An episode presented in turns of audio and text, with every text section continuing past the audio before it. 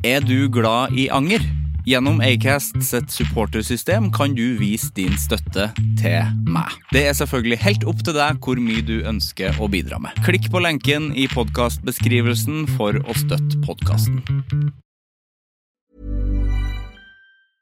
Ryan Reynolds here from Mint Mobile. With the price of just about everything going up during inflation, we thought we'd bring our prices down.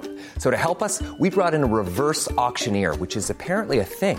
Mint Mobile unlimited premium wireless. Ready to get 30, 30, bit to get 30, bit to get 20, 20, 20, bit to get 20, 20, bit to get 15, 15, 15, 15 just 15 bucks a month. So, Give it a try at mintmobile.com slash switch. $45 upfront for three months plus taxes and fees. Promo rate for new customers for limited time. Unlimited more than 40 gigabytes per month. Slows. Full terms at mintmobile.com. Everyone knows therapy is great for solving problems, but getting therapy has its own problems too, like finding the right therapist, fitting into their schedule, and of course, the cost.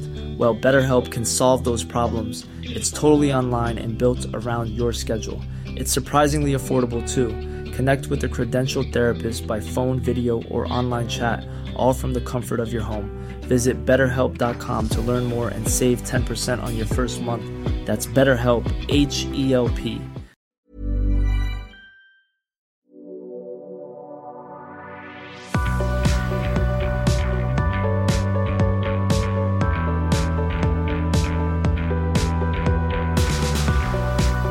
Jeg skal bare si ifra at uh, nå har jeg sett det uh, bildet på VG uh, av den morkaka og den babyen.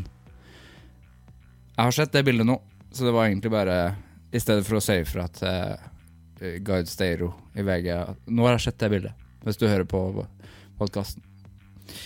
Sivert Mo heter jeg. Velkommen til Anger.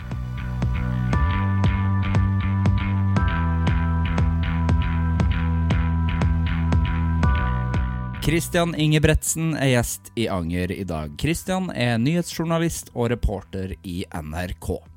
Hans forhold til anger er lite tilstedeværende, da han nærmest er strippa for skam, men han kan angre på at han var litt for hard mot venner i 20-årene, og kan ha blanda begrepene venn og kollega på sin vei oppover i karrieren. Vi snakker bl.a. om å være et eh, ekstremt A-menneske, og nærmest sprudle om morgenen og være full av kreativitet og energi som daler utover kvelden.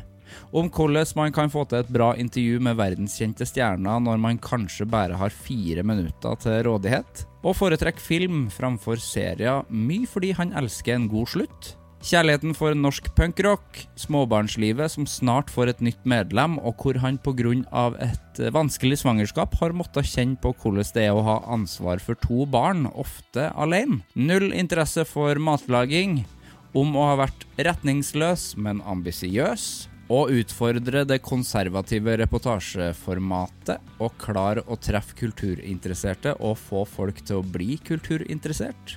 Og en god del om at man aldri velger wienermelange i kaffeautomaten, og brief med fun facts om regissører på vorspiel, forhåndsknust tortillachips i tacoen og nummer to i toalettet til Lars Lillo. Nå starter vi.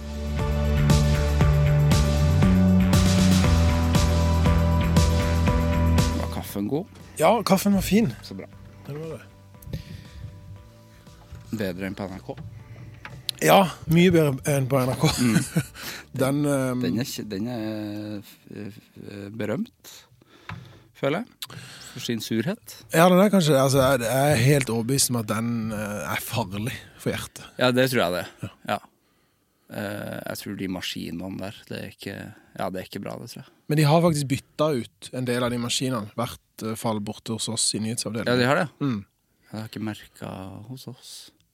Jeg føler liksom øh, Man må i hvert fall holde seg unna melkeaktig kaffe. der. Ja. For det, jeg stoler ikke på når den melka Og Derfor jeg, aldri, jeg velger aldri og melange, nei. Jeg forstår ikke de som velger vin og melange. jeg har jeg valgt én gang, bare fordi jeg lurte på hva Det er jo bare en cappuccino.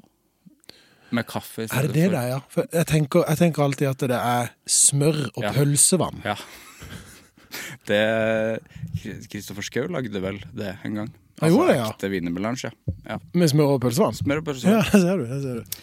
Uh, nei, det er en cappuccino uh, bare med vanlig kaffe i stedet for espresso. Men hvorfor det heter vinvever er Østerrike, da? Ja, men Da fikk jeg nesten lyst til å prøve det. da du... Ja, det var ikke så ille. Men uh, jeg har aldri sett det på menyen på en kafé. Nei. To To takk. wienerlunsj. Du sa at du var, du var kvikkest på morgenen, eller uh, hodet funka best på morgenen? Er veldig A-menneske, altså. Ja, du er det, ja. Ja, ekstremt. Uh, Alltid vært. Ah, jeg hadde jo liksom en periode i tenårene hvor jeg sov lenge og la meg seint og sånn, men ja. uh, helt siden jeg var sånn, ble sånn 22-23, så ble jeg A-menneske, og så uh, har jeg blitt sånn ekstremt A-menneske etter jeg fikk små barn. Ja.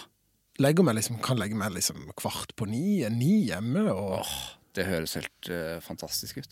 det, er sånn, det er nesten sånn at vi- jeg, jeg har, har jo en turnus hvor jeg jobber uh, av og til kjempetidlig på morgenen, og av og til ganske seint på kvelden. Ja. Det kan jeg merke når jeg kommer på, på jobb halv seks på morgenen. Da skal du jo på radio om litt over en time. ja, hvis du skal på Nyhetsmorgen. Ja, Ja. Og komme på et eller annet. eh, først må du finne noe å snakke om, og så skal du ideelt sett snakke om det på en litt ålreit måte og sånn. Ja. Da kan jeg merke at jeg har en helt annen energi enn alle andre. At jeg er nesten sånn Nesten i sånn kokainrus sammenligna med resten av den Ja. Nyhetsmorgen, eh, eller mange andre i Nyhetsmorgen-gjengen. Ja. Men, eh, så det er jo kjempe, kjempefordel. Så folk bare skjønner ikke hvor jeg har den energien. Men på kvelden er det motsatt. ja. Uh, Så etter klokka åtte, når jeg skal inn og lage saker til Kveldsnytt, og, så, så, så, så dør liksom hjernen min, sakte, men sikkert. Ja. Blir du altså, kveldsgretten nå, da? Eller Nei, ikke gretten, men bare liksom veldig lite oppfinnsom og klar. Tankene går utrolig sakte og fungerer utrolig dårlig på kvelden. Motsatt av Kristian Valen.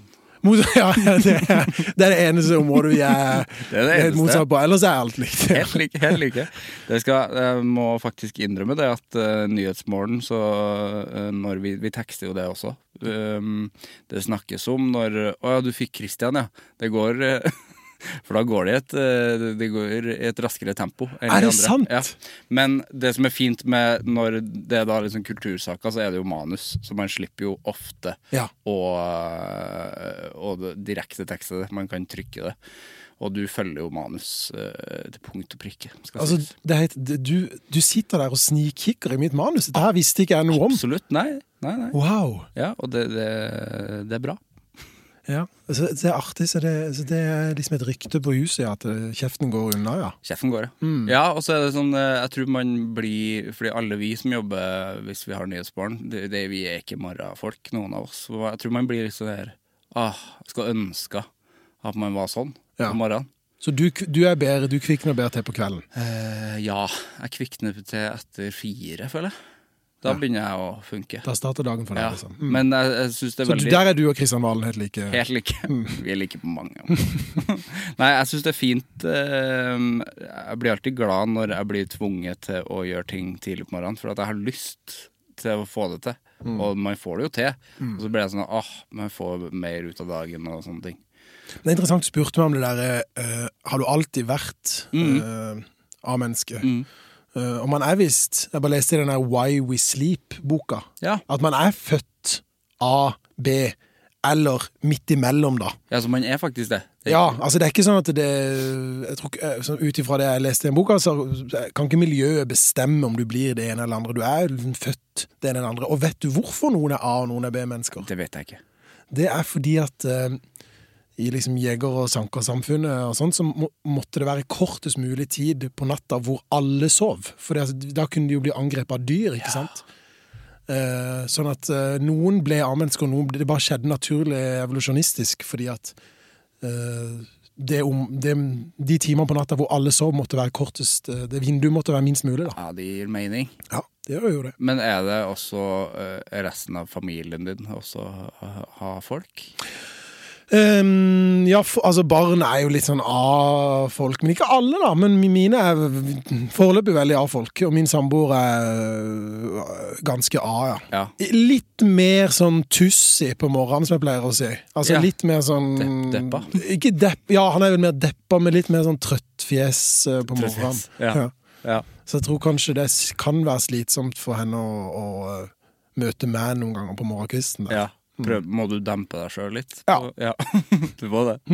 For du kan liksom det, det, det, Du trives best, altså virkelig best. Da kan jeg gå rundt og synge og Ja, kan ja. tromme på kjøkkenbenken. Og... Det er grusomt hvis man ikke jeg. er der sjøl. Ja, det er bare hørende sier det selv. Det høres helt forferdelig Men jeg tror folk bare er Eller i hvert fall meg, jeg blir jo bare misunnelig, egentlig.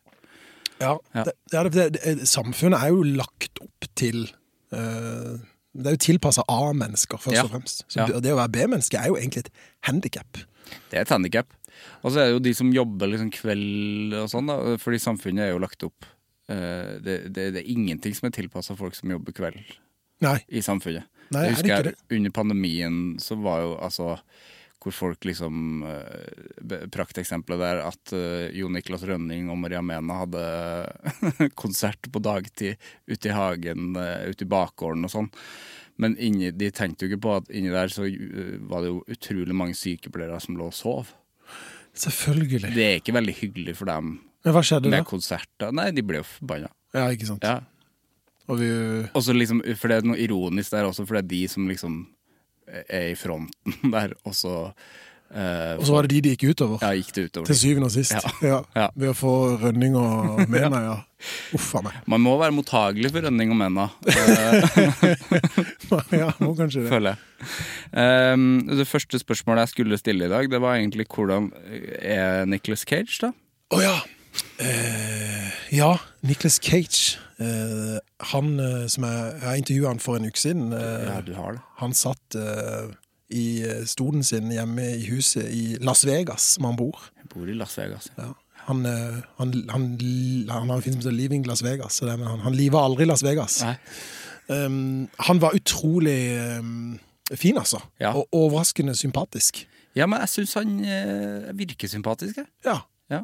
Ja, ja, hvorfor det? Eller Jeg har alltid tenkt at han, eh, når jeg har sett han i intervjuer og sånn, så ja, du er jo bare han, han er litt sånn der Han er bare ekstremt glad i å spille skuespill og er veldig mye. Men som type så syns jeg alltid han virka ganske sånn ja, Du er jo bare snill. Ja. Snill type. Jeg visste liksom ikke hva jeg gikk til, og veldig ofte når jeg får intervjuer med såpass store navn, så, Mm. så, så er det vanlig at man kanskje får fire eller fem minutter. Men her fikk jeg 15 minutter. Oi! Eh, Det er jo, lenge, det. Ja, det, det er jo lenge. Mm. Uh, og da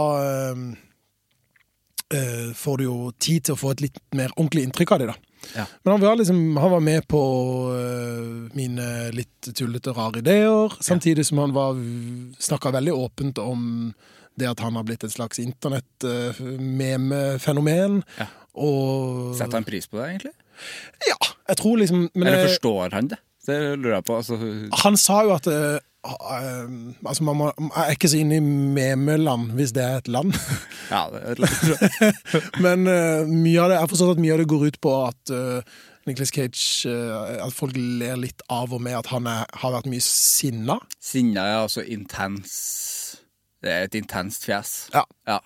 Men han beskrev det Han sa at det, det var en slags eh, skuespillermetode som han hadde valgt på et eller annet tidspunkt. ja. Eh, hvor han skulle liksom ta det helt ut. ja. Ehm, så han beskriver det nå som at bare, ja, selvfølgelig blir det en greie, for det var bare et bevisst valg fra min side. At det, akkurat da var jeg i en periode hvor jeg bare tok han helt ut, liksom. ja, ikke sant? Ehm, så jeg kjøpte den. Ja, det gir mening, det, men det har, han har jo alltid gjort det, føler jeg. Ja, han har det, men han har jo liksom litt lagt Han har jo eldes bra, syns jeg. Nå, har han jo, nå er han jo i en veldig interessant fase, sånn skuespillmessig. Ja. Eh, og ganske roligere. Det føles som Mer han kom, kunstnerisk blitt. ja, Ja. og det føles som han kommer til å lande litt eh, på et veldig bra Ja. altså, sted, sånn med tanke på hvordan han går inn i historien som skuespiller. da. Jeg ser for meg at han er i neste eh, Tarantino-film. Kanskje. Taranti Sis- Siste Tarantino-filmen. Tarantino snakker ikke han også om å få med Bruce Willis? Jo, men går det an, da? Ja, går det an? Jeg vet ikke om Det går han, Det er vel ikke forsvarlig lenger, det? eller? Nei, jeg vet ikke, kanskje man kan, kan han gi han en plugg i øret og så si hva Kanskje han, det. på høyttaler hva han skal si, eller et eller annet sånt noe. Ja, det har vært fint, det. da Det hadde vært eh, Eller jeg vet ikke, for jeg vet ikke om han snakker heller. Uh, nei, det vet ikke jeg heller. Jeg har jo sett noen bare i de sosiale medievideoene som dattera eller kona legger Ja. ut. Det, jo, han lar, det kommer jo noe lyd fra han. Det kommer lyd, ja. Mm. Der har vi en skuespiller som har gjort mange skjønner, Man skjønner jo det nå, eh, hvorfor han spilte i så utrolig mange rare ting. Det var vel fordi at han visste at han var syk, Ja. virker det som. Ja. Så jeg skjønner ikke helt den der eh, Hvorfor skal du spille i rare ting selv om du er syk, eller? Nei, men eh, jeg tenker kanskje det var mer for at han fikk masse penger. Ja, ikke sant? Altså, at prosjektet måtte, trengte ikke å være så ambisiøst, på en måte. Nei. Nei.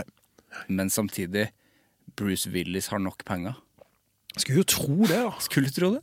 De har jo ofte Die Hard. Må jo tjene penger på Die Hard enda, Ja, du tror han får liksom en sjekk inn uh... når det sendes i jula. Ja. Ja, det håper jeg jo. Royalties? Nei, man gjør kanskje ikke det på film. Vet ikke. Hvordan er- var den eh, nye Nicholas Cage-filmen? Den var kjempefin, altså. Ja, den er det. Altså, Jeg skal jo være litt sånn profesjonell og passe meg litt for å ikke bli sånn altfor eh, anmelder, for det rollen Rollen anmelder og journalist skal liksom holdes litt sånn atskilt. Ja.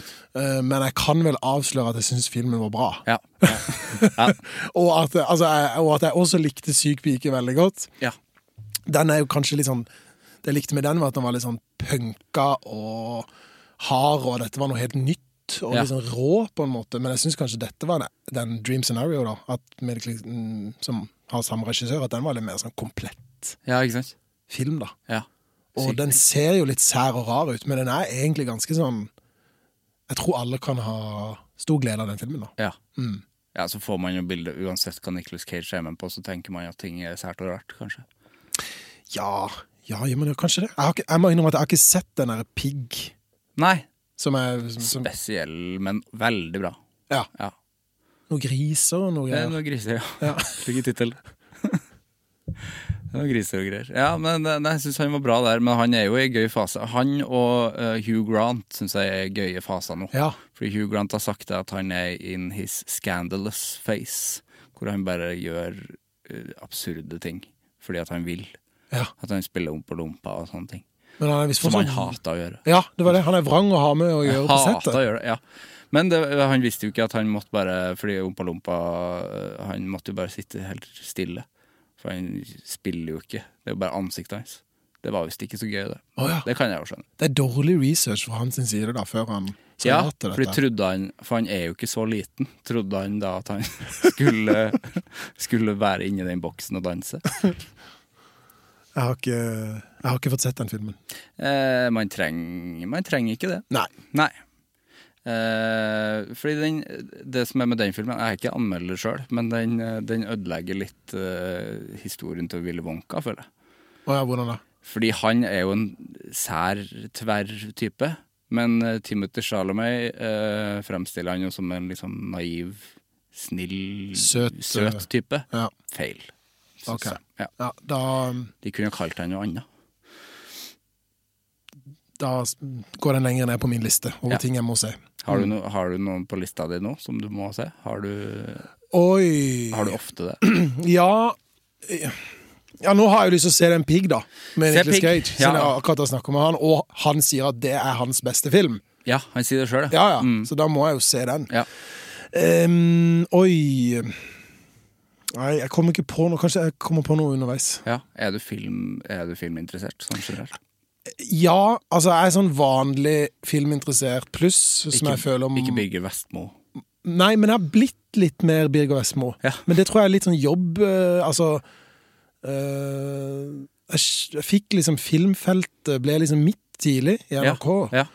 Så da um, skjønte jeg at jeg må nå må jeg holde meg litt oppdatert. Og så har jeg blitt ganske sånn filmfyr. Ja. Uh, som kan name-droppe regissører på vorspiel og sånn. Ja, du kan det? Ja, og det er jo en irriterende type å ha på vorspiel. Ja, men jeg liker det litt. Jeg blir litt misunnelig på det òg, for at jeg er for dårlig på det. Det er også veldig rart at jeg bruker ordet vorspiel, for jeg har ikke Ja, Har du vært på vorspiel siste Nei, men, Siste men eh, når, når, man, eh, når man drikker øl med folk, eller eh, Ja. Mm. har det hyggelig med folk, da, så kan det bare, si, være sånn Ja, det var jo Coppola som hadde den. Ja, og og han er jo for øvrig onkelen til Nicholas Cage, visste du det? Er eh, Coppola onkelen til Nicholas Cage? Det Ja. forklarer mye, føler jeg. Nicholas Cage het Coppola, men skifta navn til Cage fordi han ville ikke bli forbundet med navnet. Coppola? Ni ja, men det var Nicholas Coppola. Det, ja, det var et eller annet. Han tror han het Coppola. Det, da bør han skifte tilbake nå, syns jeg. Siden han er i en litt annen fase. Definitivt. Ja, Kusina hans er jo da Sofia Coppola, som lager også filmer. Yes. Ja, Hun har også laget mange filmer. Den der Priscilla-filmen, blant annet. Den Å, har er jeg det til hun som har lagd den, ja? Mm. Priscilla-filmen, ja. ja. Den vil jeg også se. Jeg var ikke så glad i den Elvis-filmen. Er du filminteressert? Jeg er veldig glad i film. Ja, Du høres ut som du er Ja, glad i film. Eh, jeg er mer glad i film enn serie.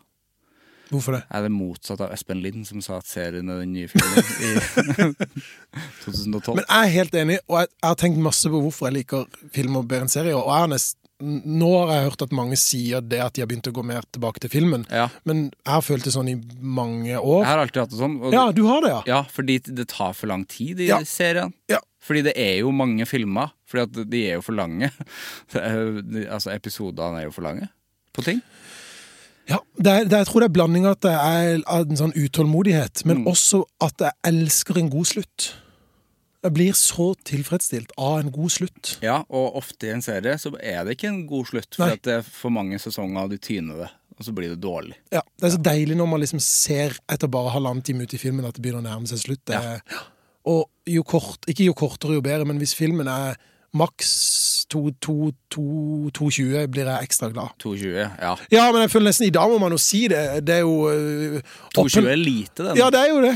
Ja. Oppenheimer og Killers of the Flower Moon og disse, de er jo For langt. Det er for lenge. tre-fire timer. Det er for langt. Det er for lenge. For det blir ikke noe bedre av det. Klipp det vekk, eller lag eh, lagde, Før lagde vi jo alltid Directors Cut, og de var lange. Mm. Og så kunne man velge om man ville se de. Enig. Eh, men det, Den øh, øh, Napoleon som gikk på kino har nå, ikke sett den, ja. den kommer jo i en sånn fem-seks timers versjon Nei, på Apple TV. nei takk. Om ikke så lenge. Nei takk. Hva det, har du sett det? Nei, jeg, jeg, jeg gjorde ikke det, faktisk. Um, Er det Ridley Scott, det? Bare for å si Det er Ridley. Ridley himself. Ja, jeg kan Ridley, kan jeg. Og uh, Tommy Wirkola. Det er et navn jeg kan. Nå sitter vi her på vorspiel selv og name-dropper. Vorspiel.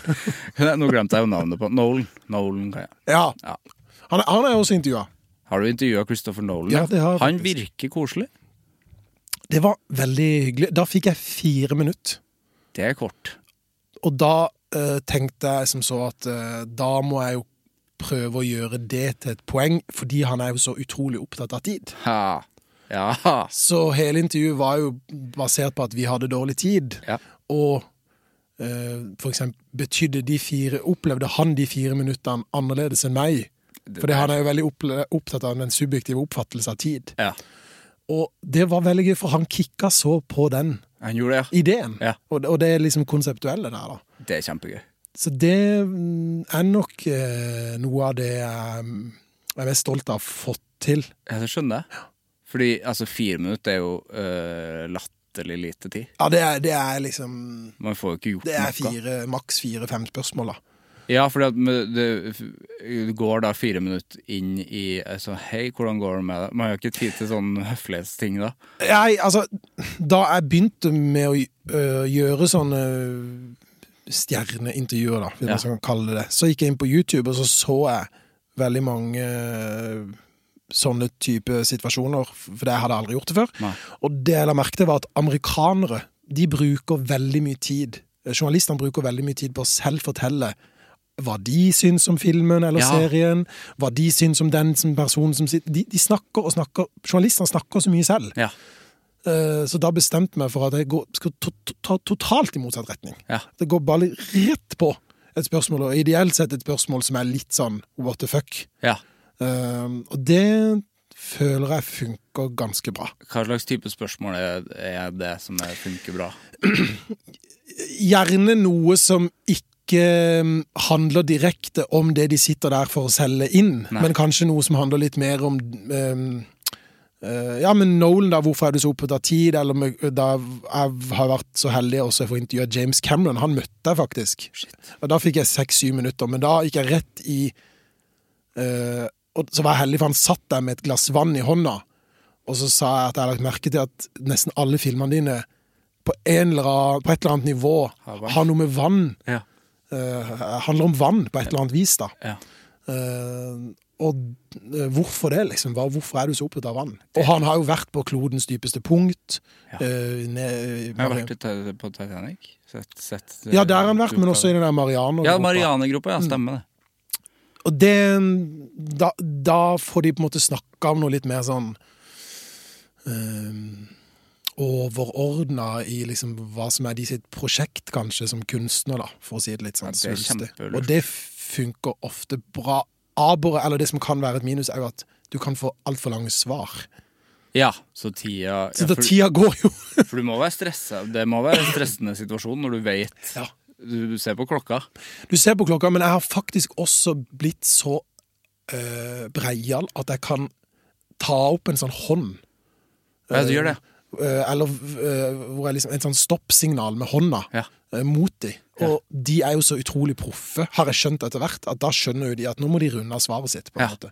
Ja, Men det det er bra. veldig gøy å sitte og regissere James Cameron. På, Nei, Det er ikke, det ikke alle som får det. Si stopp til James Cameron. Hvorfor er han så interessert i vann, egentlig? Fikk du noe svar på det? Ja, det, han hadde et veldig godt svar på det. Det, um, det var uh, Han tror det er en slags eh, underbevissthet i mennesket som er opptatt av vann, både fordi vi, er, vi har starta livet vårt i vann ved å ligge ni måneder i vann. Mm. uh, at vi på et vis kom fra vannet som skapninger. Uh, og så er han jo veldig opptatt av livet i sjøen og alt det man vet og ikke vet om det som foregår under vann. Det er noe liksom uoppdaga med det. Um, så i den Avatar-filmen som jeg intervjua han uh, i forbindelse med, så hadde jo Første eller andre? Dette var den andre som kom nå i fjor Ja. så hadde jo mange av skuespillerne lært seg å holde pusten under vann i opptil uh, syv-åtte minutter. ja, hvem var det som hadde sånn helt ekstrem Kate Winslet. Det var Kate Winslet, ja. Ja, Som hadde altså, var helt ekstrem rekord. helt ekstremt. Ja. Så øh, fordi at han James Cameron vet du, han bruker ikke green screen og spesialeffekter. Han skal spille inn hele filmen under vann, han. Ja, ja. Med undervannskamera. Mm. Eh, Så han fikk jo alle skuespillerne til å lære seg å holde pusten, og da Det er ingen spesialeffekter i Avatar, sant? Nei, nei alt det De, De har jo leid inn de blå de eh, fins. De sitter jo eh, De får ikke så mange andre roller, de blå De kom, det ble jo karant, det var karantene ut, for det var under pandemien når de kom. Så de kom seg jo ikke tilbake. Det tok lang tid. Det tok veldig lang tid. Så de venter jo veldig på innspilling av neste film, selvfølgelig, for å ha noe å gjøre. De går og gresser. At de går og gresser. Apropos for lang, den har ikke jeg gidda å sette. Nei, Um, jeg måtte jo se den, da. Ja. Uh, så um, Hva skal jeg si? Det var uh, Det var imponerende laget. ja. Jeg tror vi kan si det. Det kan jeg tror vi kan bare si det. Ja. Ja. føler jeg man kan si om ting eh, Det er som når du har sett et band spille, så er ikke det så kjempebra, men det du kan si til dem alltid, det var tight. det var tight, ja. Mm.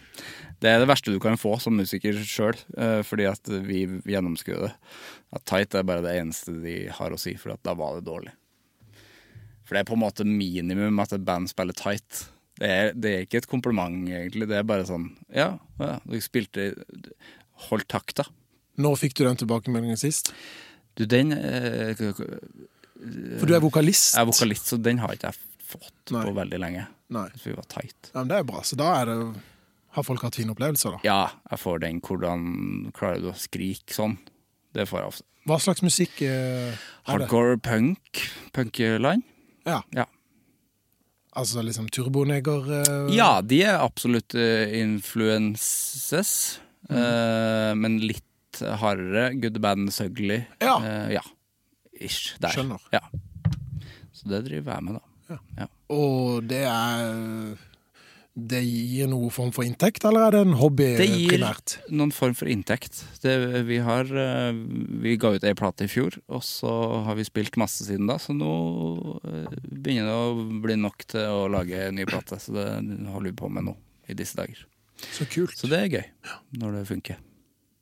Det skal jeg få hørt. Hør på det. Liker du den type? Ja, veldig. Ja, du gjør det. Ja. Helt, var jo helt ellevilt Turboneger-fan. Ja. Så Eller en Turbonegro Eller jeg vet ikke hvordan jeg skal si det. Egentlig. det er lov, begge deler. Jeg bare sier det. Det er det det heter. Det er jo det. Ja. Um, ja, har sikkert sett 20 konserter i hvert fall. Oi, såpass, Ja ja. Med Hank. Masse med Hank, men også en del med han Tony Ja. Sylvester. Ja. Så det var liksom min vei inn i Når jeg så dem på Kvartfestivalen i 2003, da var vel jeg gammel var jeg da? 14-15. Eh, Det var på en måte min første sånn store musikkopplevelse. Shit, 2003, det var ganske Det var sånn peak eh, turboperiode. Ja. Da hadde de akkurat sluppet den Scandinavian uh, Leather. Leather. Ja. Dette var året etter liksom comeback-konserten Ja, de hadde på Kvarten. Og det som var ellevilt, var jo at de spilte da den ene kvelden, avslutta, så tror jeg neste kveld så var det jo Queens of the Stone Age. Oh. Med liksom Nico Oliveri og ja, for da var det, uh, rett etter Song, Songs for the, the Death-albumet. Shit. Så det var jo eh, det var liksom det beste Norge hadde å by på akkurat det. Og, da, og det beste USA hadde å by på da, Ja. av rock, følte jeg da. Og de var venner i tillegg. De var vel kanskje Ja, de var det. Mm. Thomas Seltzer er fortsatt god venn med Josh Homme, vet du. Det er gjeng, det er gjeng. Det er gjeng. Og så er jo da Det er nok litt sånn lokal patriotisme blanda inn her, men også ganske. Honningbarna-fan, da. Ja. Et av eh, de beste bandene vi har, syns jeg. Ja. Ja. Uh, og den forrige plata deres, det er eh, Jeg finner kanskje ikke noe bedre på veldig mange år.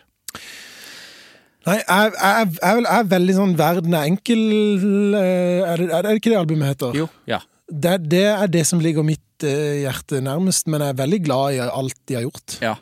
ja, det er jo en sound der som har Den har utvikla seg.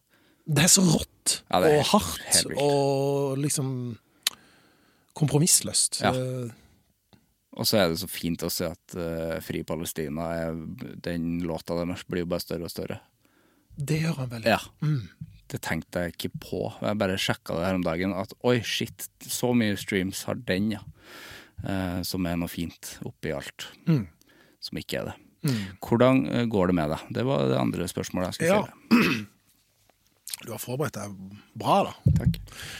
Eh, det går eh, bra. Eh, det går egentlig alltid ganske bra med meg. Ja.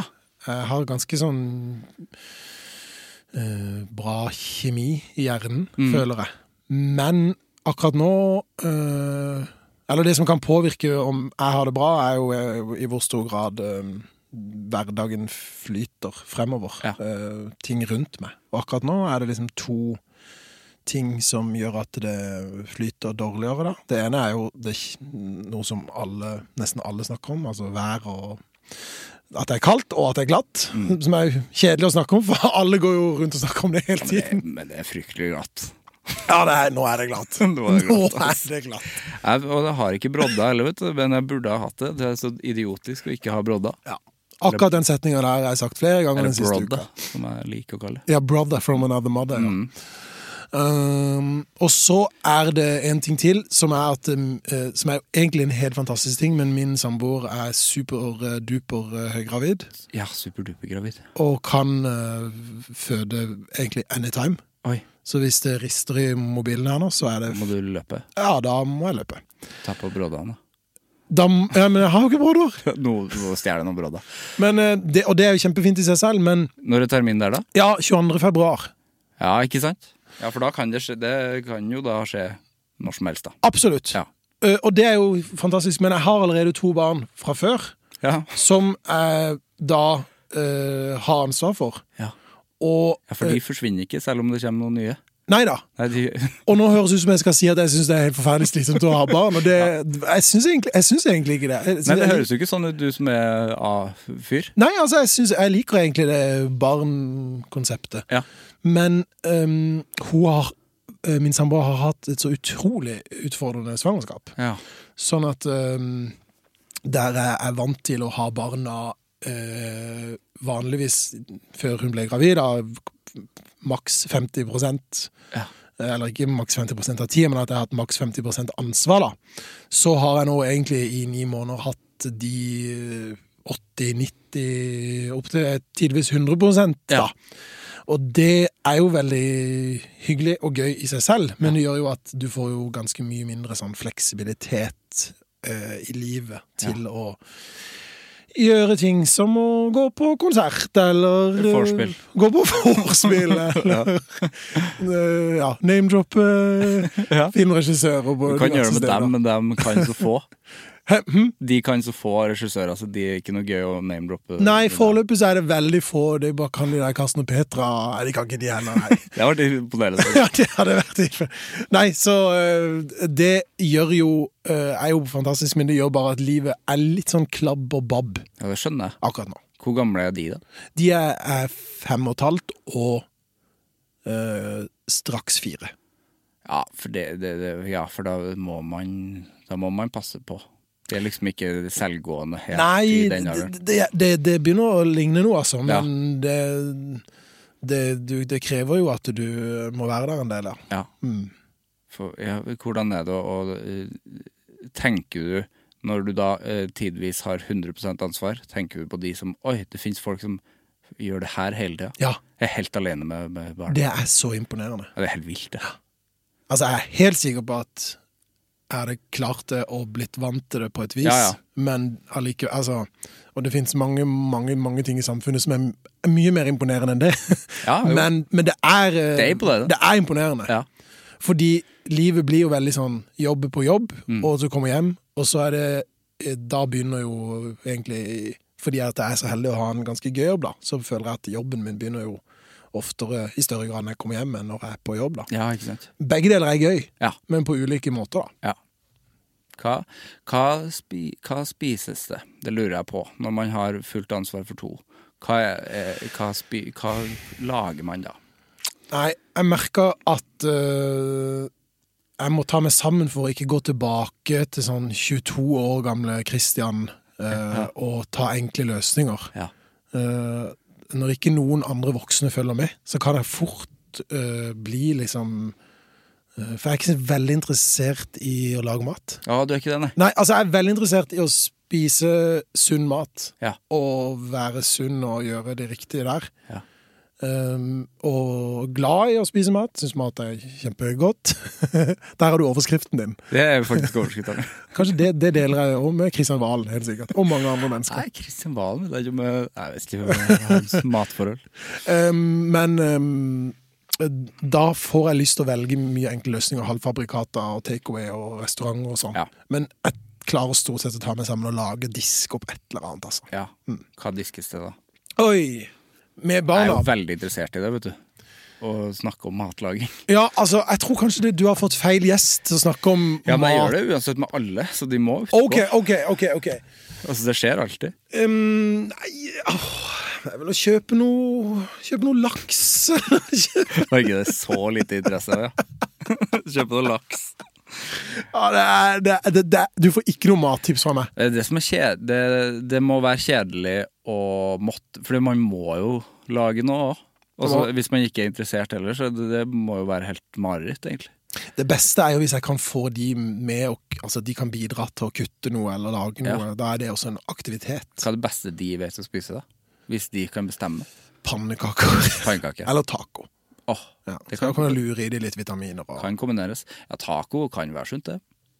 Masse jeg tror ikke taco er så verst. Jeg tror ikke taco er usunt i det hele tatt, når jeg tenker meg om. Nei. Jeg tror egentlig det er bedre enn laks, basert på det lille jeg har lest om oppdrettslaks. Laks er ikke bra nå. Nei. Så man må holde seg helt unna det. Ja. Det, så det er det, det, er det de gir barna mine. Ja. det er fordi Pannekaker kan jo kombineres med taco, føler jeg. Uh, Ja, har du gjort det noen gang? Stekt opp eh, og så brukt det som lefser, Jeg har liksom? ikke gjort det, men det- nei, det holder jo kanskje ikke så godt. Du må lage veldig tjukk eh, pannekake. Ja Hva mener du? At det skal revne, liksom? At de revner med veld, veldig mye fyll i Ja, da må du bare legge en ny pannekake under. under, sånn at det, alt som faller, bare faller ned på den. Uh... Er du lefse- eller skjellfyr? Uh, nei, jeg er nok en sånn eh, Jeg er nok en lefsetype. Eller Men- tøbb? Nei, aldri sverga til tøbb. Vi var tøbb-familie, vi. Var det, lenge. Ja. Og vi starta tidlig med tøbb. Uh, så tøbb er jeg glad i, men jeg kjøper ikke det sjøl nå, for det er, det er ikke noe praktisk med tøbb. Ikke skjell eller Jeg lurer på hvor mye tøbb som selges, altså. Det sel, selges jo såpass mye at det fins både store og små. Det Fins jo minitubs òg. Det er rart. Men det føler jeg er mer sånn eh, eh, privat næringsliv skal lage liksom en tapasmiddag Ja, på en eller annen uh, juleavslutning, og så kjøper de sånn Ja. minitubs for at det skal være litt sånn ja, men Tore Sagen hadde godt minitubs-tips. Uh, det var vel ikke i Papaya, men da det var her. Eh, at han hadde kjøttdeig eh, i tuben, og så hadde han ost på toppen, og så steka han det i ovnen. Eh, det var egentlig bare det tipset. Og så kunne man ha opp ting oppå etterpå, da. Det har jeg gjort. Kjempetips! Jeg har gjort det noen ganger. Ja, det er ikke så gærent. Men knuser du skjellet i eh, Dette her føler jeg er veldig sånn 2014-samtale, men knuser Ja, du skjellet i lefsa? Jeg knuser skjellet i lefsa, ja. Eller helst eh, så liker jeg jo uh, nacho-chips, altså tortilla-chips. Det er lettere. Ja.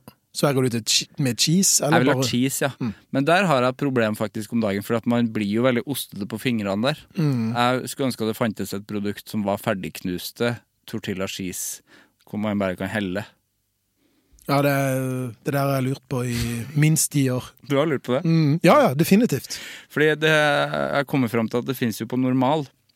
Så kan du kjøpe Doritos og de små posa Hvis du bare knuser den Ja, mens det ligger i posen. i posen, ja, Ja. og så eh, har et lite, klippe et lite hull, så kan du bare helle det. Men det burde ha vært et, Superlurt. det burde ha vært et ferdig produkt. For det finnes jo i eh, fabrikken. Så det er jo mange som må bli ødelagt. Selg det som et sånn taco- tacoprodukt. Vi kan jo egentlig bare alltid bare knuse de pakka, da. kan alltid det. Men det, det, det her er jo bare et tips for Jeg tipper kanskje at man mister noe av ferskheten og sprøten hvis det skal liksom komme i mindre biter. Og det kan hende, ja. Men det er uansett bare mer eh, De må mer. Ja, når de har sittet der liksom på drodlemøte Ja, på tacochipsfabrikken, Ja, og så har noen må jo ha nevnt dette. det. Det må jo være en rasjonell grunn til at ikke de har valgt det. Men de hadde tjent penger på det. De tjener jo penger på alle sånne nye, dumme ting. Gul ketchup, de tjente penger på det, men det varte ikke så lenge. Merkelig nok. Ja, Den var rar, den. Gul ketchup. Prøvde aldri. Men smakte det ketsjup, eller var det en egen Smakte ketchup, men det så jo helt absurd ut hvis du hadde det på pølsa, så hadde du sennep på ketchup, og så var det bare sennep på sennep. Ko-ko! Ja, det er koko, faktisk. Jeg lurer på, eh, for du sn- snakka jo, var jo inne på jobben din, ehm, og at eh, det er en gøy jobb. Du får jo lagd Altså, det virker som du har ganske sånn fritt spillerom. Har du det? I reportasjene du lager? Ja, jeg har fått det, Du har fått det? men det var ikke sånn i utgangspunktet. Nei. Hvor lenge, hvor lenge har du jobba i NRK? Jeg begynte, jeg begynte jo i P3 Ja.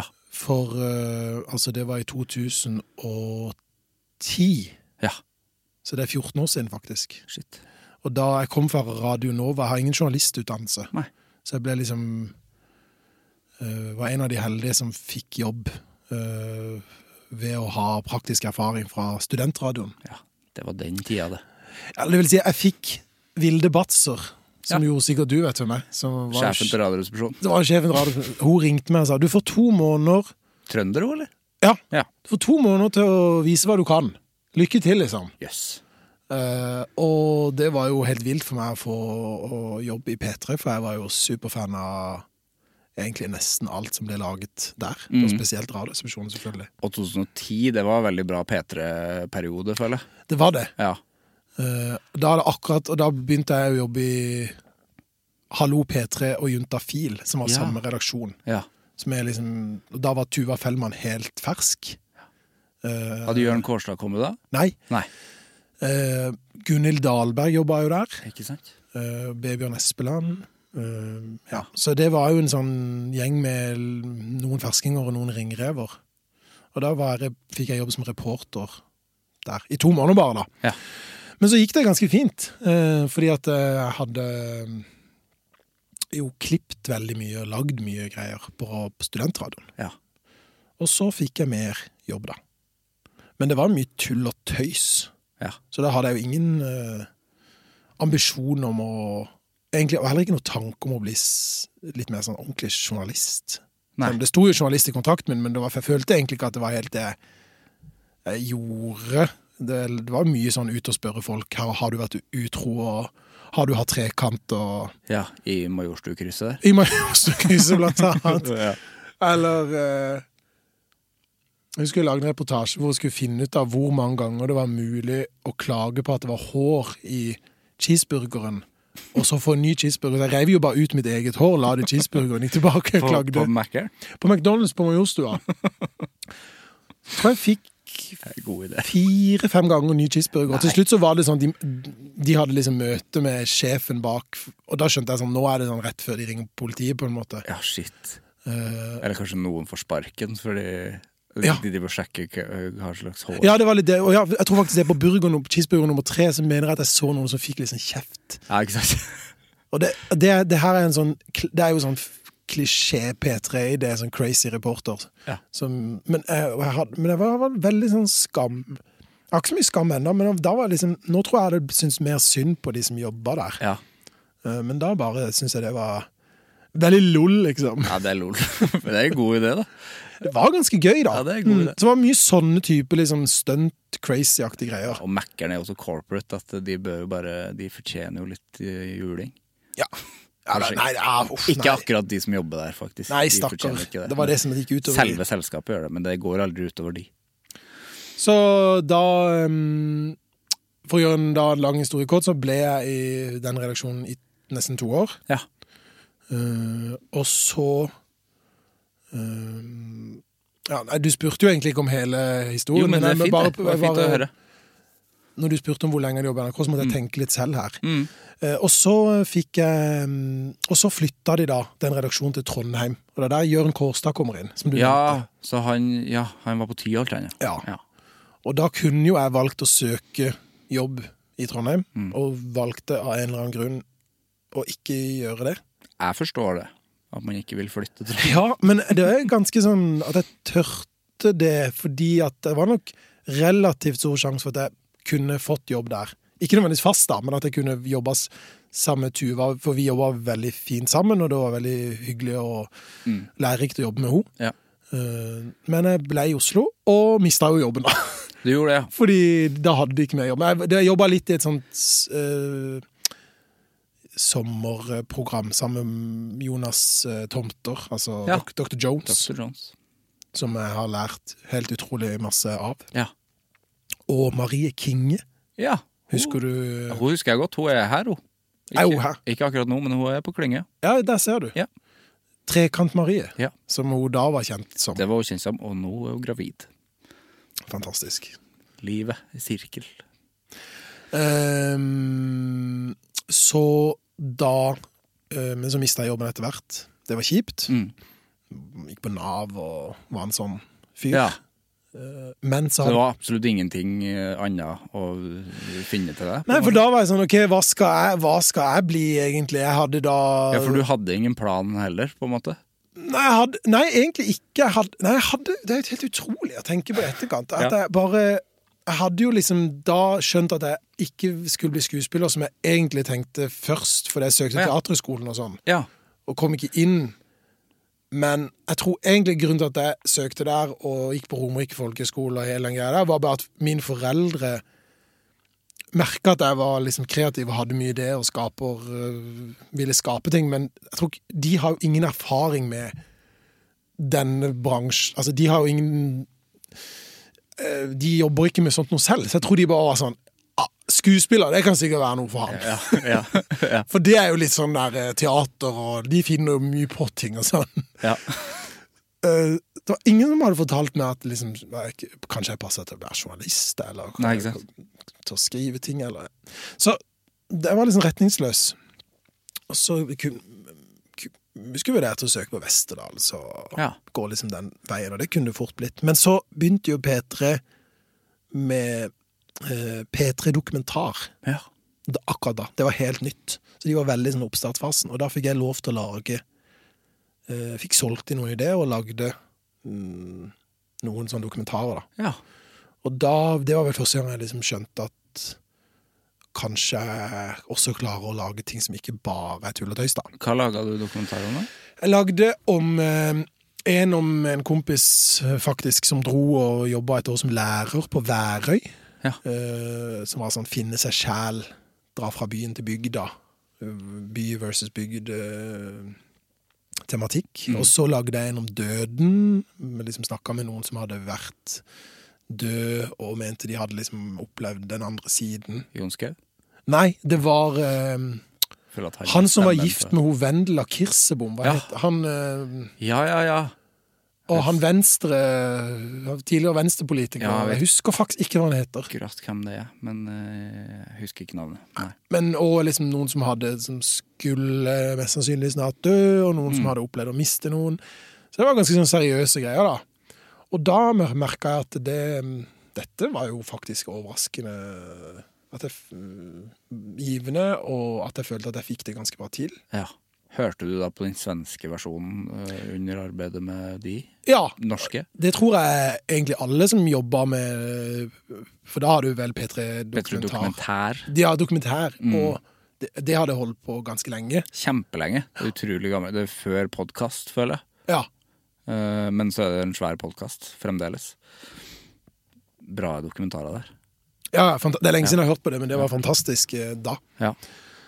Og så, litt sånn desperat etter jobb, så begynte jeg da å skrive ble sånn kult, Og der kulturjournalistgreiene kom inn, da, at eh, jeg fikk begynte å få eh, selge inn saker til lokalaviser på Sørlandet. ja. Eh, fordi det var jo veldig mange kulturpersonligheter i Oslo som de aldri hadde budsjett eller ork til å dra inn og lage reportasjer på. Ja, ikke sant. Skuespillere og filmfolk og mus musikere og sånn, så jeg begynte å levere reportasjer til Federlandsvennen og Agderposten og oh, ja. Lindesnes Avis. Og, Lindesnes avis i Mandal også. Ja. Ja. Så da ble jeg litt sånn kulturfyr, og så fikk jeg jobb i Federlandsvennen, sommerjobb. Og da løsna det litt sånn kulturjournalisten Da merka at dette var gøy. Ja. Men hadde den interessen vært der alltid, eller kom den? For kultur? Ja. veldig. Ja, den hadde. Ja, Ja. Men aldri sånn at jeg har liksom definert meg som det og tenkt at jeg er, en sånn fyr. Men Nei. jeg har bare, som jo mange drevet med vel alt, alt mulig, liksom. Ikke sant? Band, Ja. kor, korps. Uh, ja, teater. Ja. Uh, alt mulig. Altså, jeg vil si nesten alt mulig utenom dans og keramikk, kanskje. Ja. Keramikk må komme. Hvem gikk du med på Romerike, forresten? Jeg føler at det alltid er noen kjente man har gått med på Romerike. Den kjenteste jeg gikk med, er vel Henriette Marø, som Ja. spiller, eller spilte i Silje i Side om side. Helt riktig. Side om side. Spiller nå i Karusell på Nationaltheatret, som jeg hører er dritbra. Det har jeg jo hørt. Ja. Som uttrykket øh, øh, Nei og nei, fru Blom. Eller liksom øh, Ja, stemmer Kaffe og kaffe, fru Blom. Det er derfra, det. Det kommer fra det stykket. Ja, og jeg har aldri hørt om det før. Det, det Aldri har, hørt om det stykket før. ikke jeg heller. Nei. Men jeg har jo hørt om fru Blom Ja. utallige ganger. Henriette gikk der. Så ja. Christian Tonning Riise, som er jo mest Høyre Høyremannen. Høyremannen, Han gikk sammen med oss. han gikk der. Ja, han er borte fra rampelyset. Ja. Ja. Skjedde ting der. ja, det var noe greier der. Det var noe greier der. Uh, og så gikk jeg sammen med eh, Han er ikke så kjent, men sønnen til Harald Heidesteen. Ja. Og han er da dirigent i, i Sølvguttene. Og grunnen til at uh, det er litt gøy å nevne han, er fordi at um, hver gang vi hadde sånne oppsetninger på folkehøgskolen, så satt jo Harald Nei. Heidesteen i salen. var Harald der. Uh, og han døde jo bare et, Jeg tror det bare, bare var et år eller to etterpå. Ja. Så det var jo Han er jo kanskje en av de største legendene, 100 i mine øyne i hvert fall. Ja. Så det var jo utrolig kult. Ja. Men jeg kommer ikke på Altså, det er mange som har blitt skuespillere, da. Mm. Som, som, som har hatt eh, eh, små og store roller rundt omkring. Men kanskje ikke som, som, som en sånne navn som folk vet hvem er. Ja, Det er jo gøy med den skolen, for det er så eh, talentfabrikk eh, blitt. Alltid vært, føler jeg. Definitivt. Ja. Og det var, det var jo helt Det var jo, det var jo sånn eh, Alle var jo vant til å være den eh, den i klassen som fikk mest oppmerksomhet, som var morsomst eller eh, mest kreativ. Ja. Eh, og så kom han dit, og så viste det seg at alle på skolen var jo den ene i sin klasse som eh, Man er ikke så unik lenger. Nei. Nei. Men det var litt hardt når jeg begynte i P3, for jeg var liksom vant til å være da den som tok mest plass i klassen. Og Ja. så gikk på Romerike, og så var jeg faktisk en av de som tok mest plass der. Ja. Og så kom du inn i P3, og da merka jeg Oi, her, eh, her er jeg langt nede på rangstigen over hvem som tar mest plass. Slag i trynet, det. Ja, det var litt sånn eh, Det var bra for meg, tror jeg. Ja. Litt sånn karakterbyggende, egentlig. Ja. Fordi der, der, i løpet av den perioden, så var jo Det var jo da Lars Berrum og Olli begynte. Ja. Eh, Martin Beyer hadde holdt på, på, en, holdt på en stund, og så var det selvfølgelig Ronny og Live. Og det var Stille liksom, folk som ikke tar så mye det var plass. ikke ja, nei. Så det var, men det var Så jeg var ganske sånn eh, litt sånn stille type på mange av de sosiale tingene vi hadde der. Og sånn. Prøv, var litt mer sånn observerende. Hvordan klarer de å Tør de å ta så mye plass her? Men du prøvde å nevne litt sånn Coppola innimellom. Ja, ja, ja. Sånn Visste du at han er onkelen til Nicholas Cage? Eh? Ja, jeg ser på at du, det er det du sier på hvert eneste hver, hver sosiale sammenkomst. Det er en god fun fact. Ja. Ja. Men bare for å liksom rappe opp, så um, Da fikk jeg etter hvert, etter den Federlandsvennen-jobben, så fikk jeg da jobb i Kulturnytt, som det Mm. da het. Som var liksom radiosegmentet Um, Eller kultursegmentet på radio, da. Ja. For, ehm, det var en halvtime hver morgen, og en time på ettermiddagen. Det var en og en halv time kulturnyheter før. Fy søren. For for bare liksom seks-syv år siden. for en god tid. Få den tida tilbake. Takk. Eller er det for lenge? Ja, jeg syns kanskje det, Altså, Jeg kunne gjerne jobba med det, og derfor jeg vil ha det tilbake. det, var Mye av det som var på morgenkvisten der, det var jo liksom best of. Ja, ikke sant? Så det var jo bra. Ja. Men den timen på ettermiddagen der, det, den var vanskelig å fylle innimellom. Ja, Det skjønner jeg. Ja.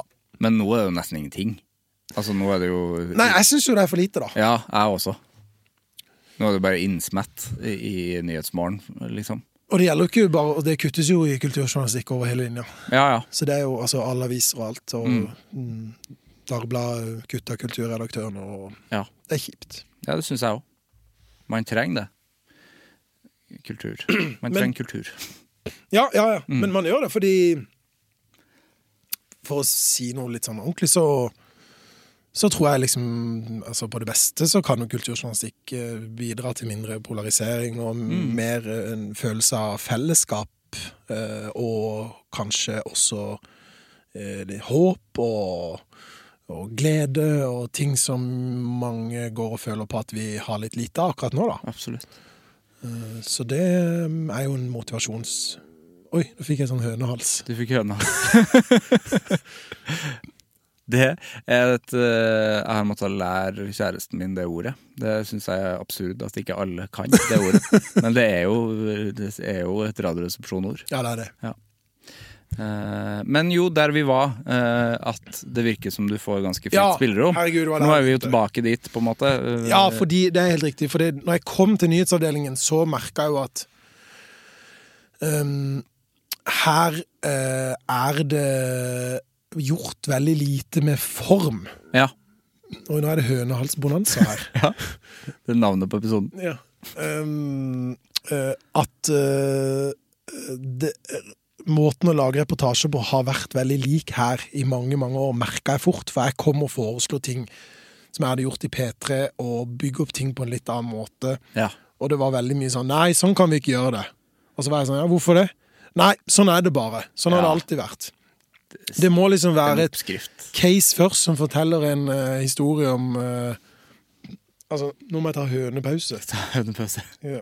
En case først som eh, forteller en eller annen historie om eh, eh, om noe som de har opplevd, og så er det en eller annen reporterstemme som kommer at eh, men hun er ikke den eneste som har opplevd dette. Og så kommer tallene, og så kommer ekspertene. Så, ja, det er liksom det samme, da. Jeg kjenner det igjen og blir trøtt bare av å tenke på det, på en måte. For det- er det jeg likt. Ja. Ja. Og det fantes selvfølgelig unntak da òg, men jeg Ja, merka at her er det hvor, hvor liksom Da begynte jo podkaster å bli mer og mer populært, og nettvideoer og, og generelt sosiale medier-innhold og alt, og TV-serier, og alt følte jeg på en måte gikk uh, veldig fremover, da, kreativt sett, mens nyhetsreportasjen var og er jo egentlig fortsatt ganske sånn konservativ. Ja. Så der følte jeg at jeg hadde eh, Der var det mulig å presse grensene litt, da. Mm. Eh, Så først gjorde jeg det Fikk jeg lov til å gjøre det litt mer og mer og mer på radio. For det var radio jeg kom fra. Ja. Og så var det da en sjef som sa 'kunne du tenkt deg å lage, prøve å lage TV'? Det hadde jeg aldri tenkt at jeg hadde Jeg hadde virkelig ingen ambisjon eller egentlig ønske om det, fordi at jeg syns det virka litt sånn skummelt. Mm. Og litt sånn Og veldig sånn tradisjonelt. Og Ja. jeg trodde ikke at det var mulig å være kreativ i en nyhets... Dagsrevyen var jo veldig sånn der Det er Dagsrevyen, liksom. Ja, ja, ja. Uh, uh, og jeg bare følte at det var sånn Du lukker øynene og ser det for deg. Liksom, sånn er det. Punktum. Ja. Så jeg begynte å lage TV, og så gjorde jeg jo da den kardinalsynden at jeg klarte ikke å øh, øh, ta med meg det moroet fra radioen inn i TV, for jeg tørte ikke. Jeg hadde så respekt for formatet, så jeg bare uh, etterapa alle andre. Uh, og det var jo stort sett ganske tradisjonelle ting, da. ja, ikke sant. Og så var det noen som kom til meg og sa på et tidspunkt at liksom, du lagde jo så mye gøy på radio, men etter du begynte å lage TV, så er det blitt, så så tradisjonelt og litt Jeg tror faktisk jeg brukte ordet kjedelig. Litt det Tore Bjarte og Steinar fikk høre da de gikk over til TV. Ja, kan, ja ikke sant? Ja, På fordi. Det, fung det ble ikke Det var ikke mulig å gjøre det samme på TV. man blir mer selvbevisst, og så er det, så, er det så stringent format. TV er veldig sånn regissert, all, alle later som litt, og det er en kontrakt mellom seerne at alle de som ser på, vet at de på TV later som, og at dette Men at det er et konsept Så er det, det er jo digg for hjernen og øyet å se noe som er forutsigbart også. Ja, ja, ja. Um, så jeg tror jeg liksom tør, Jeg tørte ikke, da. Nei. Men uh, så ble jeg sendt på et sånn kurs med en dansk historieforteller Mm. som heter Torben Skau, som er litt sånn legende i Danmark, da. Mm. Eh, og han lærte meg da at eh, hvordan man kan også leke Han viste liksom noe helt crazy ting som han hadde gjort, og Ja. da skjønte jeg at liksom, ok, det her er Jeg fikk litt selvtillit å prøve, da. Og så begynte jeg i det små, og så bare blitt varmere og varmere. Noen vil kanskje påstå i overkant varm i trøya, men uh, blitt litt uh, Fått mer og mer tillit over mange år, da. Mm. Og du har jo veldig din egen stil. Nå har jo ikke jeg så mye forhold til det du gjorde på radio, men har du da klart å løse den, knekke den koden og fått, fått det videreførte til TV-en? Ja, nå syns jeg det. Nå synes jeg nesten at jeg har liksom kommet litt forbi det. Ja, sånn at det blitt bedre? Ja, ikke Eller- bedre, eller bare altså, Nå er det jo For det på TV kan du jo Det er jo mange flere virkemidler du kan leke med. For Ja. folk, er så, folk er jo så utrolig vant til å se Så du sier at de beste bildene ikke er på radio? Ja, ja, ja, litt i tvil. Nei, nei, de beste bildene er jo på TV. ja, de er jo det. Ja, det er. Men um, Det er ikke bilder i lyd. overhodet ikke. Nei. Med mindre du lager de selv. Da. Ja. Men um, det som jeg, som jeg merker, er jo at folk uh, har jo egentlig um, uh, en utrolig mye større aksept nå for virkemidler og eh, rare formgrep og sånn, fordi at de for alle, inkludert foreldregenerasjonen og besteforeldregenerasjonen, ser jo mye mer på TV-serier og filmer Ja. og Men det, man bruker veldig lite av de elementene inn i de mer tradisjonelle tingene, eh, både på radio og TV, eh, og nett, og kanskje spesielt TV, da. Mm. Så det syns jeg er gøy nå, da. Å liksom bruke mer eh, fiksjonsting i nyhetsformatet. Mm. Eh, og merker faktisk at folk er med inn dit. Ja, det Eh, er helt, jeg syns det er helt eh, nydelig. Og så er det en sånn gøy brytning i det som er eh, veldig konservativt eh, fremdeles. Altså Dagsrevyen. Ja. Er jo, Dagsrevyen skal være Det skal være sånn, det. Ja. Så det er digg med en sånn pause inni der som er Oi, her, her var det noe helt annet. ja. Og så altså er det jo noen sånn fallgruber. Ja, for det heter det. det heter gruber. Ja, Um, at det Jeg har opplevd at hvis du beveger deg for langt bort fra eh, kontrakten med seerne, så eh, Da faller folk av, eller da blir de litt det må, det, må, det må føles litt som en reportasje. Det, det, Ja, det du må ikke fjerne deg helt fra Nei, jeg har liksom forska litt på det. Noen ganger så har jeg lagd ting som har vært sånn Som ikke, som ikke folk har likt så godt. For det da, det, da føler du at nå, nå er dette noe helt annet. Ja, ikke sant? Det må fortsatt føles som en nyhetssak Ja. uh, uh, på et vis, da. Uh, men eh, Um, men jeg prøver liksom å åpne den døra litt og litt og litt. For det gøy, Noe av det gøyeste, som er et av de nyeste tingene du har lagd, er jo uh, hun som, som er den rareste metagreiene jeg har sett, tror jeg. Hun som lagde musikken til sin egen reportasje. Ja. Det er noe av det beste. Altså, hvor, kommer, hvordan kommer den ideen? Nei, altså det var faktisk også basert på film, fordi at eh, Bradley Cooper kom med Ja, den der eh? Heter Maestro. maestro? Maestro med, om, om han komponisten. Ikke. Mikkel Niva sitt program på NRK. I, eh, nei, men det er jo mye av det samme, Mye av det samme. konseptet, da. Ja. For det er jo Leonard Bernstein sitt liv. eh, komponist og eh, dirigent og i det hele tatt. Eh, og da ba jeg om et intervju med Bradley Cooper, uh, som jeg jo da ofte gjør når det er liksom store navn. Og så fikk jeg ikke det. Fikk ikke det. Nei. Hvorfor? Nei, jeg vet ikke. Eh, Det hender at man ikke får. Ja. Det er jo de, de har, det, er jo, et par andre som spør. Ja. Så da var jeg sånn Ok, jeg har uansett lyst til å lage noe eh, på det. Um, så har den, der, den ideen eh, har ligget på blokka i mange år, bare den der at noen eh, spiller inn musikken, soundtracket til sin egen reportasje. Eller det grepet har jeg bare hatt notert. Mm. Uh, og så kom jeg på at liksom hm. Eh, jeg tror faktisk jeg bare ringte Jeg tror jeg ringte Komponistforeningen, for det er en forening. Det er det, jo. Det er klart de må ha forening, de òg. Selvfølgelig. Um, og sa har dere uh, noe forslag til noe kult å gjøre på komponister i Norge i dag? Ja. Jeg tror aldri jeg har lagd en liksom, komponistreportasje før. Nei, det er få av de. Og stadig færre! Det blir bare verre og verre. Ja, det gjør det. Men eh, Og da var det vel de som spilte inn ho Anna Berg. Eh, At hun er det et eh, nytt eh, som er, Hun er et stort talent. Eh, og eh, hva hvis du ringer henne, liksom? Og så pitcha jeg den ideen for Anna Berg. Hva hvis du er med og lager, eh, lager soundtracket til reportasjen som handler om deg og hvordan du skriver musikk? Jeg liker, jeg liker det kjempegodt. Det er så gøy lag. Ja, det er Ja. Så det syns jo hun var kjempegøy. Men det var jo ganske mye jobb, for det, hun måtte jo da faktisk på ekte eh, Altså, det var ikke gjort i en håndvending for henne. Så hun Nei. satt jo en hel helg og skrev dette her, da. Hun gjorde det. Og jeg fikk liksom partitur mandag morgen, uh, som er jo Og no, noter, liksom, og ehm, Og med i klippen også, eller? Nei, hun Nei. var ikke med i klippen. Nei. Men hun fikk jo Jeg klippa reportasjen ferdig, og så sendte jeg den til henne. Ja. Og så lagde hun musikken basert på det hun så. Ja, sånn, ja. Og da var det jo mye av den reportasjen som bare var helt stille. Ja.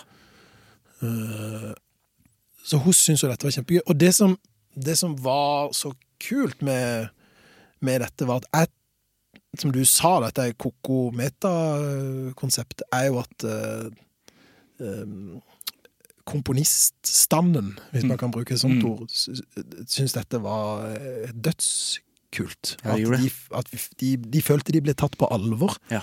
Eh, at uh, målet er jo alltid å eller, Det viktigste er jo egentlig synes, altså Mye kulturjournalistikk har jo Det er vel ikke kontroversielt å melde at en del kulturjournalistikk har kanskje vært lagd til folk som er spesielt interessert i kultur. Mm. Så jeg synes jo det Målet mitt er jo alltid å få folk interessert, som kanskje i utgangspunktet ikke eh, tilhører primært den gruppa, da. Mm. Men det gøyeste er jo hvis begge, begge altså både de som er veldig inni det, og de som er veldig utafor, er med på leken. ja, hvis, du hvis du klarer å treffe begge, da. Mm. Det er alltid målet. Ja. Og det, det, det, det er jo utrolig vanskelig å måle, men basert på responsen så føltes det litt sånn med den, eh, den reportasjen. der. Ja. Vi har jo begge snakka om uh, vår felles kjærlighet til Radioresepsjonen. Mm. De har jo snakka mye om deg og reportasjene sine i programmet. Hvordan er det som eh, fan? Nei, det er, Jeg har parodiert deg en del også. de har parodiert meg masse. Ja. Ja. for jeg har jo så lik stemme som Lars Nehru Sand. ja. Har dere snakka sammen i podkast? Det burde dere ha gjort. Det har vært, eh, Lars snakker jo litt mer sånn som dette. Det er helt likt. Han har enda hesere enn meg, og så har han litt sånn forfina kristiansandsdialekt. Det er helt likt, det. Mens nå er det Kristian som snakker, og han snakker mer sånn. Men Lars han snakker mer sånn! Så jeg har bare lyst til å vise at det er litt forskjell. Det er forskjell. Men det hadde vært eh, gøy med en podkast med dere to. Vi har faktisk eh, Jeg har faktisk snakka med Dr. Jones eh, i P3 om å i hvert fall prøve å få til en sånn spalte i programmet hans som heter noe sånn lekekasse eller noe sånt. Ja, ja. Der- der lytter- Skravlekasse. Skravlekasse, er det det? Nei, det er kanskje lekekasse. Lekegrin og lekekasse. Ja. Ja, det er sikkert lekekasse. Det er liksom Lars som jeg kan snakke, og så skal lytterne må gjette, eller noe sånt. Hvem som En eller annen sånn quiz-basert uh, greie. Ja. Jeg tror ikke vi kunne ha podkast sammen. Det hadde blitt helt uh, Det kan man også ha med Markus Vangen og Olav Svarstad Haugland. Det er også bare to stemmer. Det er sant! sant! er, Det er sant. Det har jeg ikke tenkt over. Det er veldig likt. Mm, hva var det vi snakket Ja, om? hvordan har det vært? Hvordan er det å høre Radioresepsjonen uh, snakke om det? Helt uh, ellevilt. Ja. Altså helt sånn uh, I hvert fall første gangen. Eh, selv om jeg jo faktisk eh, i den perioden jeg jobba i P3, var jo litt rundt de noen ganger. Eh, og jeg vet, ikke om jeg vil si at jeg kjenner de, men på en måte vi vet hvem hverandre er, da. Ja. Og, Og kollega. Ja, vi Ja. var jo det. Og, men allikevel at det at Selv om jeg, hjernen min vet at mange får med seg det jeg lager, så sender du det jo bare ut der, og så glemmer du det. Følelsene glemmer du litt, da. Ja. Så når du blir påminnet det øh, fra noen som du uh, har uh, vært, sett så opp til i så mange år, og har levd livet sitt gjennom, Mm. så er jo det helt ellevilt. Ja, dritfint. Mm. Ja. Så det um, Jeg har ikke liksom helt klart å, å lande på om de, om de er liksom b- helt uh, 100% fans, eller om de liksom er Jeg har snakka med Steinar. Oh, ja! 100% fan. Å ja! Ja, ja. Og det, uh, Tore også har jeg ikke snakka med, men har- han snakka om det, for vi snakka om den eh, reportasjen med, eh, komponisten. Oh, ja. Det er ekte fan, ja. Oh, ja. Så det, det der er bare, bare hyllest. Så gøy. Mm. Så du, er, du har så mye med det å gjøre Kjenner, Stein, kjenner Steinar, Mm. ja. Eh, etter at han var i podkasten. Så har vi blitt Har vi blitt venner, da? Mm. Det er jo også bare en sjuk setning å si.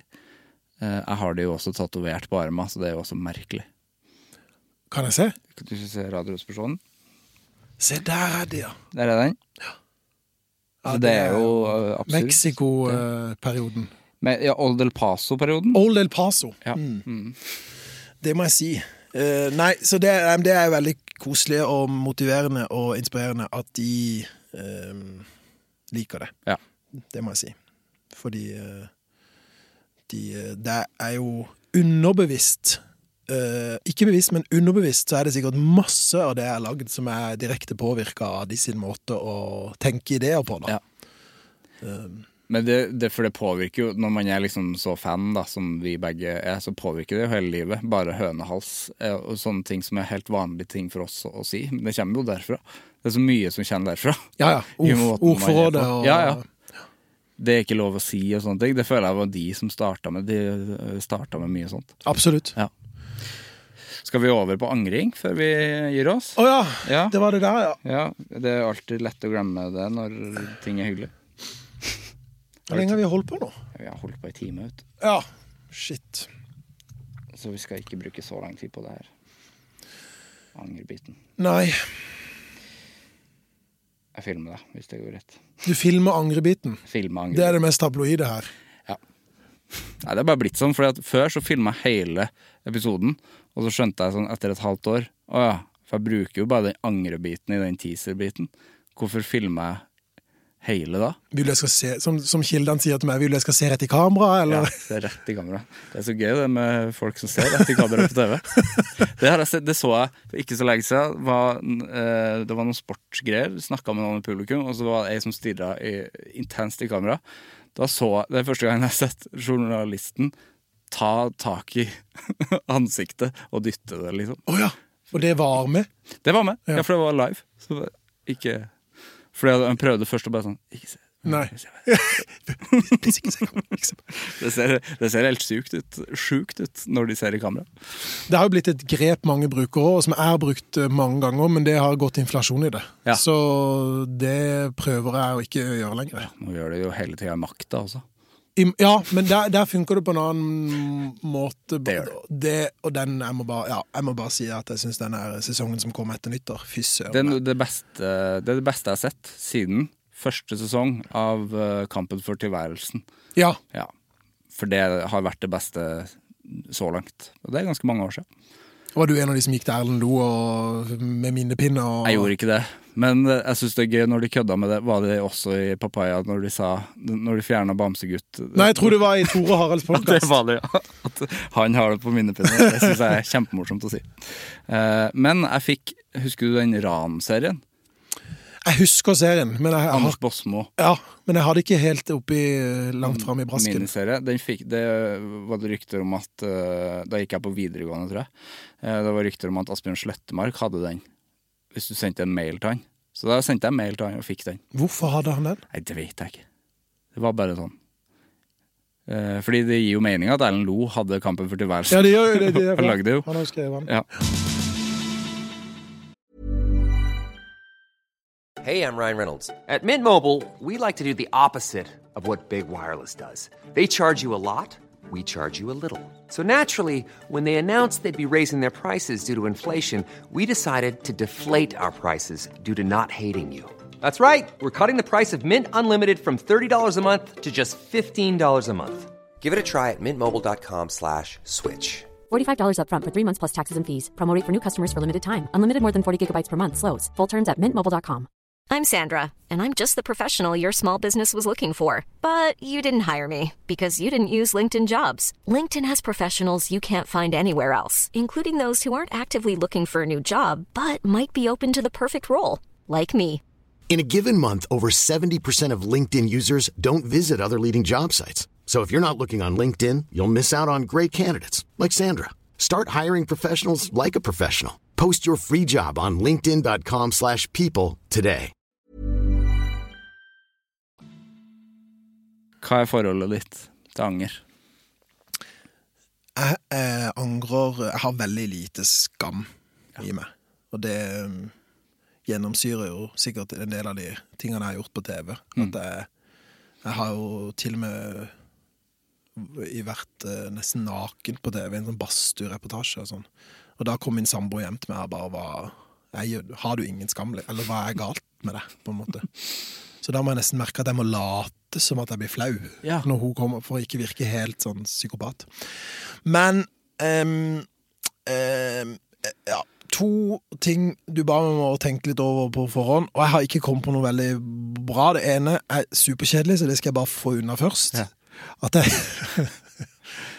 At jeg ikke tok et år i utlandet da jeg studerte. Det er en klassiker. Ja, så den ehm, Jeg bodde At jeg bare bodde i Norge og har fått sett så lite av, av verden.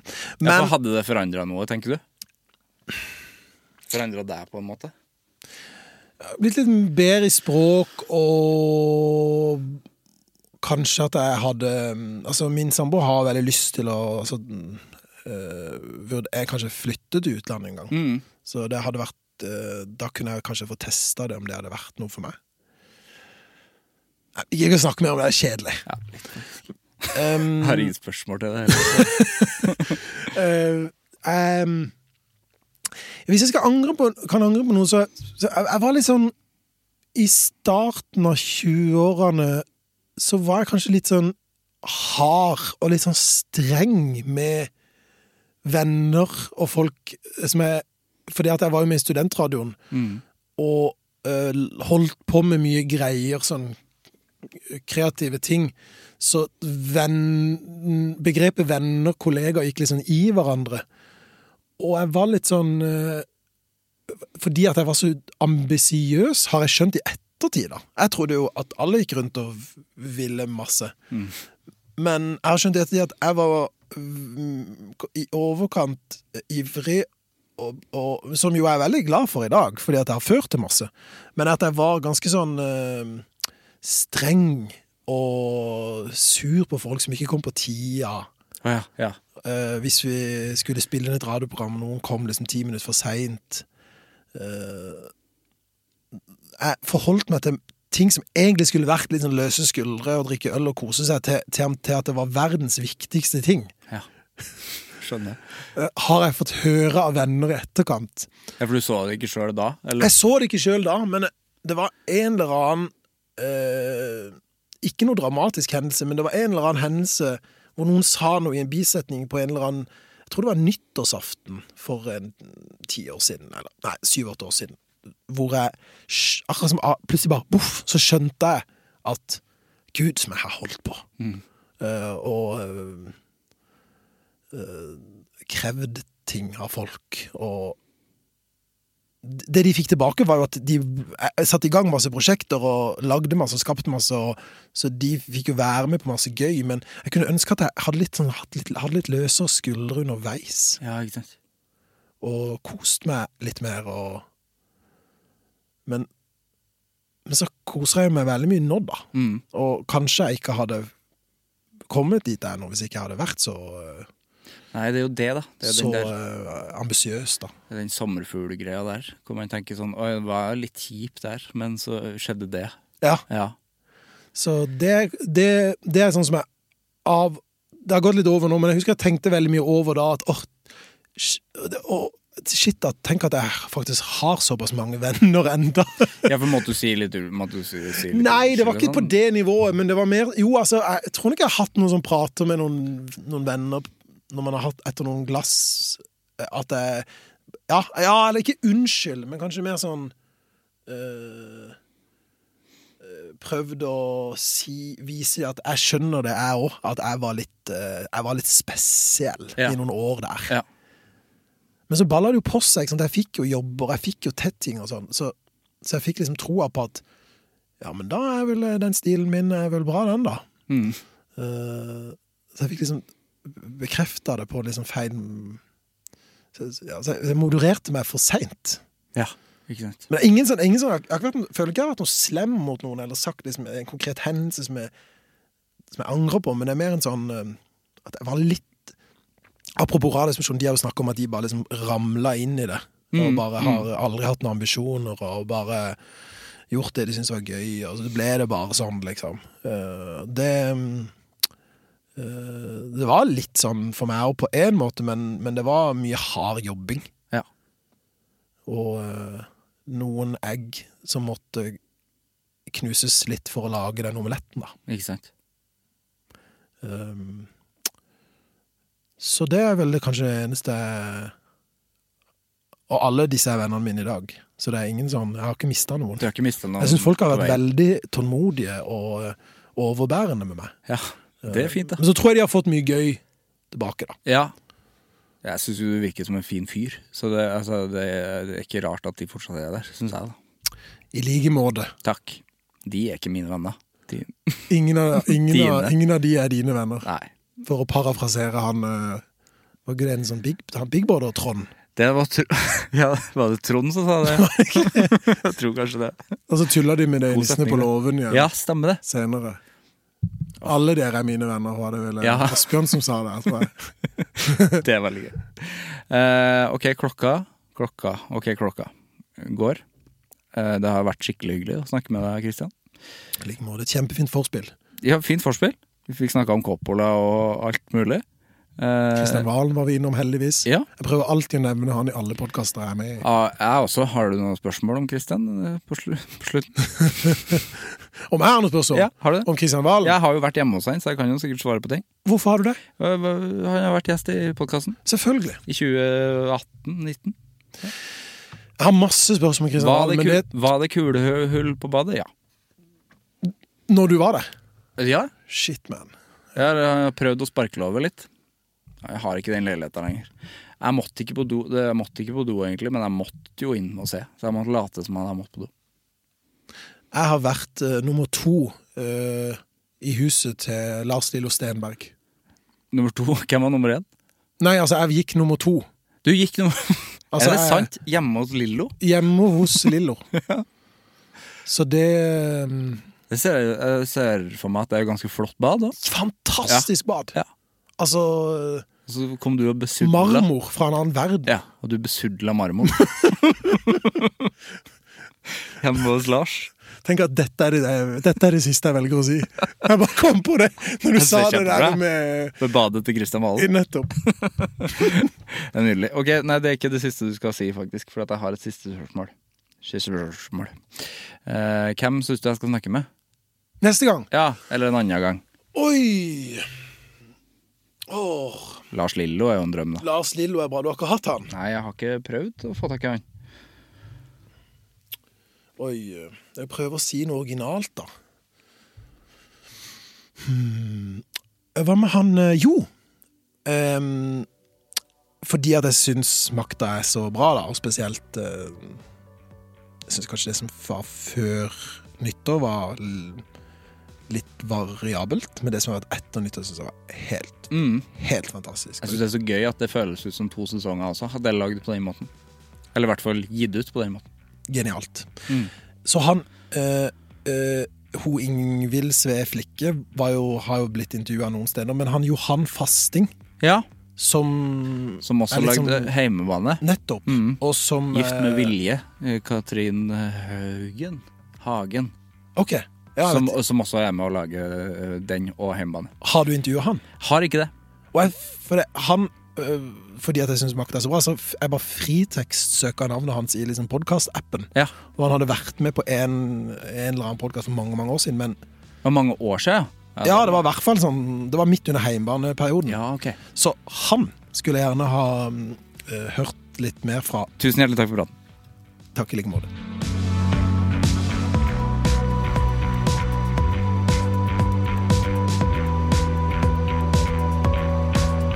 Det var Christian og meg for en nydelig fyr og en prat som uh, inneholdt alt. Og det er mine favorittprater. Når man kan snakke liksom om småbarnsliv, uh, matlaging som eh, ikke er til stede. Da blir jo jeg sjokkert. Og så kan man snakke om Coppola, og så kan man snakke om uh, Nicholas Cage her og der, og Christian Valen der. Og, nei, fantastisk. Vi høres. Hei. Produsert av Klinge.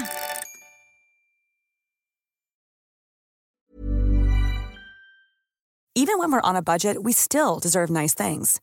Quince is a place to scoop up stunning high-end goods for 50 to 80% less than similar brands. They have buttery soft cashmere sweaters starting at $50, luxurious Italian leather bags, and so much more. Plus, Quince only works with factories that use safe, ethical, and responsible manufacturing. Get the high-end goods you'll love without the high price tag with Quince. Go to quince.com slash style for free shipping and 365-day returns. When you need mealtime inspiration, it's worth shopping Kroger, where you'll find over 30,000 mouthwatering choices that excite your inner foodie. And no matter what tasty choice you make, you'll enjoy our everyday low prices, plus extra ways to save, like digital coupons worth over $600 each week. You can also save up to $1 off per gallon at the pump with fuel points. More savings and more inspiring flavors make shopping Kroger worth it every time. Kroger, fresh for everyone. Fuel restrictions apply.